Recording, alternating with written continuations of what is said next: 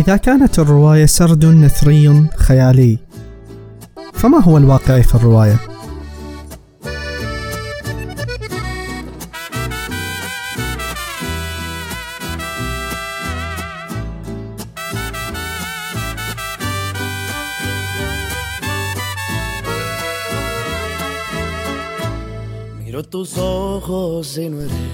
أنا حسين الضوء وهنا الكنبة الصفراء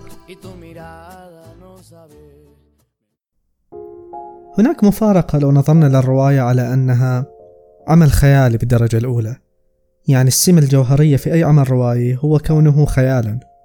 وأن هذا الصفة متى تغيرت؟ يعني متى ما أصبح هذا الكتاب يرتكز بشكل كبير على أحداث تاريخية أو أحداث حقيقية تتحول هذه الرواية من رواية وعمل خيالي إلى كتاب تاريخي مثلا أو كتاب سيري.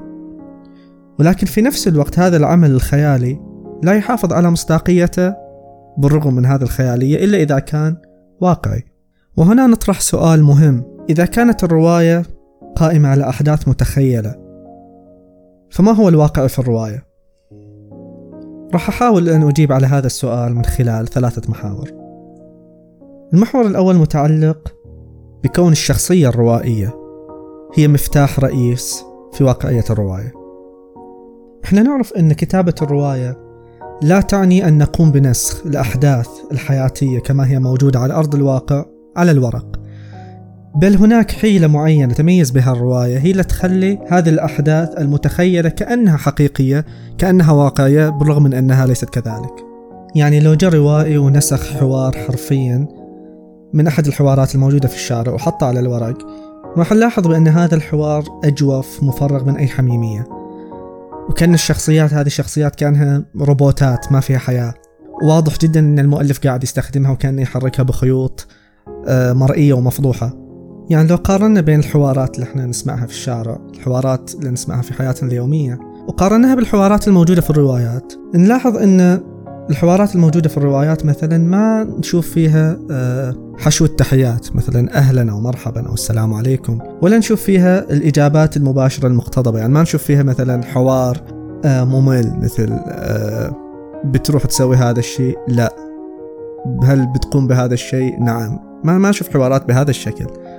لكن في نفس الوقت إحنا ما نلاحظ هذا الاختلاف بين الحوار الروائي والحوار الحقيقي. لكن في, في نفس الوقت نحس هذا الحوار الروائي هو حوار واقعي.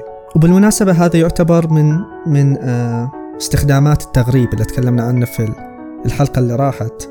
التغريب اللي آه، يخلي الشيء المألوف غير مألوف لكن في نفس الوقت يزيد من آه، تجربتنا أو إحساسنا به.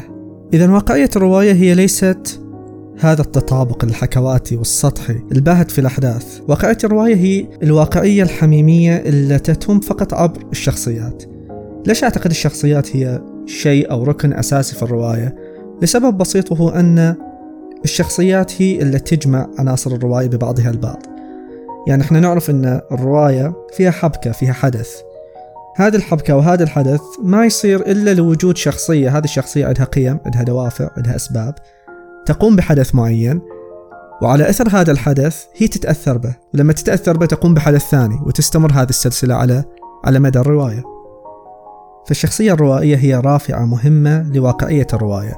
هي اللي بإمكانها أن تزيد من واقعية الرواية وأيضا تتجاوز نفسها كشخصية من حبر ورق وتصبح شخصية تمثل قيمة خالدة تجعلها أكثر شهرة حتى من كاتبها. المحور الثاني متعلق بالشخصية المتسقة وغير المتسقة.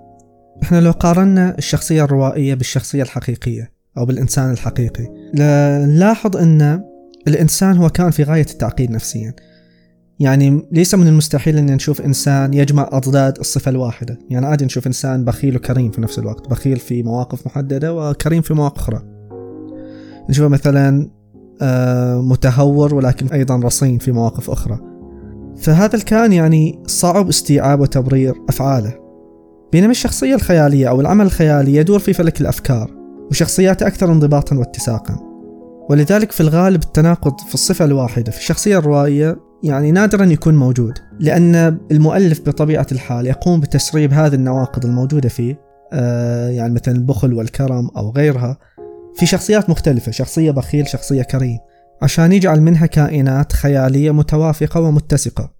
لأن الشخصية المتناقضة في الرواية اللي تجمع الأضداد يطلق عليها شخصية غير منطقية وعادة لا يلتفت إليها القراء أو ما تجذب القراء والنقاد ولا تعطى التفاتة تحليلية أو فكرية لعدم أهليتها للتواجد في عالم متخيل منطقي مثل هذا. والأمثلة كثيرة على مثل هذه الشخصيات الروائية اللي إحنا يعني نتذكرها لأنها شخصيات واقعية. راح أذكر منها مثال واحد وهو شخصية آه، أبو الخيزران في رواية غسان كنفاني رجال في الشمس وهي شخصية مهرب فلسطيني مخصي يقوم باستغلال آه، ما جره الاحتلال الإسرائيلي من تهجير للفلسطينيين. فيقوم بتهريبهم عبر الحدود العراقية الكويتية. يدعي التعاطف لكن هو في نفس الوقت يعني لا يتوارى عن رمي جثثهم في النفايات وسرقة أموالهم. آه ثم يلقي باللائمة عبر الجملة الشهيرة اللي نعرفها إحنا إذا قرأت الرواية وهي لماذا لم يطرقوا جدران الخزان؟ فهذه الشخصية هي في غاية الاتساق بين ما تؤمن به من قيم والأشياء اللي تقوم بها وحتى التبريرات. ولذلك بعض هذه الشخصيات الروائية هي أكثر واقعية حتى من مؤلفها.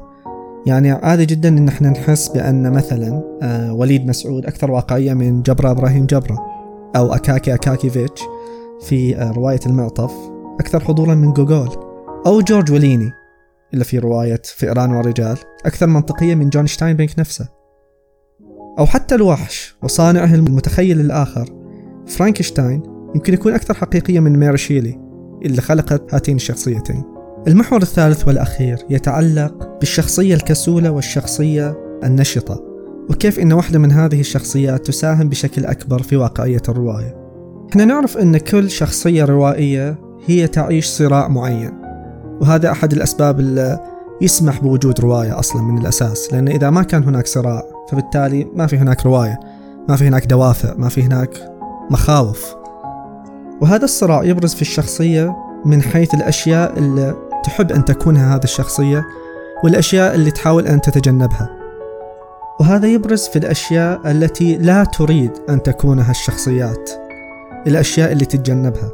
فلو ضربنا مثال وقارنا بين جملتين يعني هذا تحتاج شوية تركيز لأن الفرق جدا بسيط من الناحية اللغوية لكن من الناحية القيمية أو من ناحية آه، صفات الشخصية الروائية تفرق بشكل أكبر. الجملة الأولى خلينا نقول مثلا أنا لا أريد أن أكون مشردا. والجملة الثانية أنا أريد ألا أكون مشردا. الجملة الأولى تعبر عن شخصية يقولها شخصية كسولة باسيف غير ديناميكية. غالبا غير مقررة لأي شيء. هي خاملة ولا تتحرك في النص إلا قسرا يعني آه، شخصية سلبية من حيث اتخاذ القرار. على عكس الشخصية في الجملة الثانية اللي تجسد صراع حقيقي يدفعها إن هي تتخذ خطوات مبنية على ما تؤمن به من أفكار ومعتقدات وقيم. وهذا الاختلاف ما هو اختلاف لغوي محض. بل على مستوى الشخصيات الخيالية هو متعلق بمدى حركية هذه الشخصيات داخل النص واتخاذها القرار وتحمل عواقبه. وهذا اللي يبرز أفكار وقيم هذه الشخصيات. الروائية اللي هي في الحقيقة هويتها. فهذه الكائنات هي ليست كائنات بيولوجية ذات وجود حقيقي لكنها تجليات حميمية متخيلة ذات أفكار وقيم داخل النص. فكلما زادت حركة هذه الشخصيات وكثر عملها داخل النص تتجلى أفكارها وقيمها وهذا ما يجعل بعضها أكثر خلودا من الأخرى. عشان أوضح الفرق بين هذه الشخصيتين راح أضرب مثال ثاني. آه خلينا نقول مثلا شخص لا يؤمن بوجود إله وشخص آخر يؤمن بعدم وجود إله. الشخصية الأولى يمكن تكون أقرب إلى ما يسمى باللا أدرية بينما الآخر هو ملحد. ولكن الفرق هنا ليس فقط تصنيفي بل ينعكس حتى على حركية الشخصية نفسها. يعني الشخصية الأولى اللي قلنا عنها لا أدرية يكون غير معني بإثبات فكرته أو المحاربة من أجلها لإقناع الآخرين. بل هو في هذا الجانب خامل وصاحب موقف سلبي ويكون دائما في موقف رد الفعل. بينما الآخر يكون أكثر ديناميكية وظهورا نشوف موقفه إيجابي مبادر دائما في موقع البدء بالفعل. وأشهر ما يبين ذلك نقدر نشوف إحنا بروز الملحدين الجدد مثل ريتشارد دوكنز، سام هاريس، هيتشنز وغيرهم نشوف آه، حماسهم ودوافعهم في الظهور في إثبات الفكرة. فالشخصية التي ترغب ألا تكون هي دائما أكثر واقعية وأقوى حضورا وأرسخ في ذاكرة القارئ. هي شخصية فاعلة ومؤثرة في النص الروائي وخارجه. والأمثلة أيضا كثيرة على مثل هذه الشخصيات. ولكن راح أذكر مثال واحد وهو شخصية آه شخصية مرسو في رواية الغريب إلى ألبير كامو. آه ورغبته في أن لا يخضع لمعيارية المجتمع الذي يعيش فيه والمحاولة للتنصل من ذلك الواقع. هي شخصية لا تأبه بموت والدتها ولا تخشى الموت بل مستعدة أن تقدم عليه بدم بارد. هذه الشخصيات الروائية ليست كائنات بيولوجية من لحم ودم. هي مخلوقات لا وجود لها على أرض الواقع. ولذلك موتها داخل النص هو موت مجازي. هي مجرد أفكار وقيم متجسدة. وهذا في الوقت نفسه ما يجعلها قابلة لأن تكون واقعية أو حتى ربما خالدة. فمثل ما يقول V في فيلم V for Vendetta عندما قال لحظة موته تحت هذا القناع فكرة والأفكار ضد الرصاص. فأستطيع أن أقول ما إن توجد شخصية أدبية واقعية فإنها تظل باقية ولا تموت. فلا أحد يستطيع قتل هولدن كولفيلد إلا في رواية الحارس في حقل الشوفان بما هو فكرة أو دوريان جراي في رواية صورة دوريان جراي أو هيبا مثلا في رواية عزازيل. إلا إذا كان بعدها العملي محدودا جدا مما يغيب أفكارها وقيمها فتصبح بعد ذلك بلا وجود حي في التاريخ. هذا كل اللي عندي فيما يتعلق بواقعية الرواية ودور الشخصيات الروائية في هذه الواقعية. أتمنى أني قدمت شيء مفيد في هذا الموضوع وراح أحط مقالة متعلقة بنفس هذا الموضوع نشرتها قبل سنتين في آه، جريدة القدس العربي. واللي عنده ملاحظات أو اقتراحات أو أسئلة آه، يتواصل عبر الإيميل الموجود في وصف الحلقة. شكرا لكم على استماعكم ودمتم بود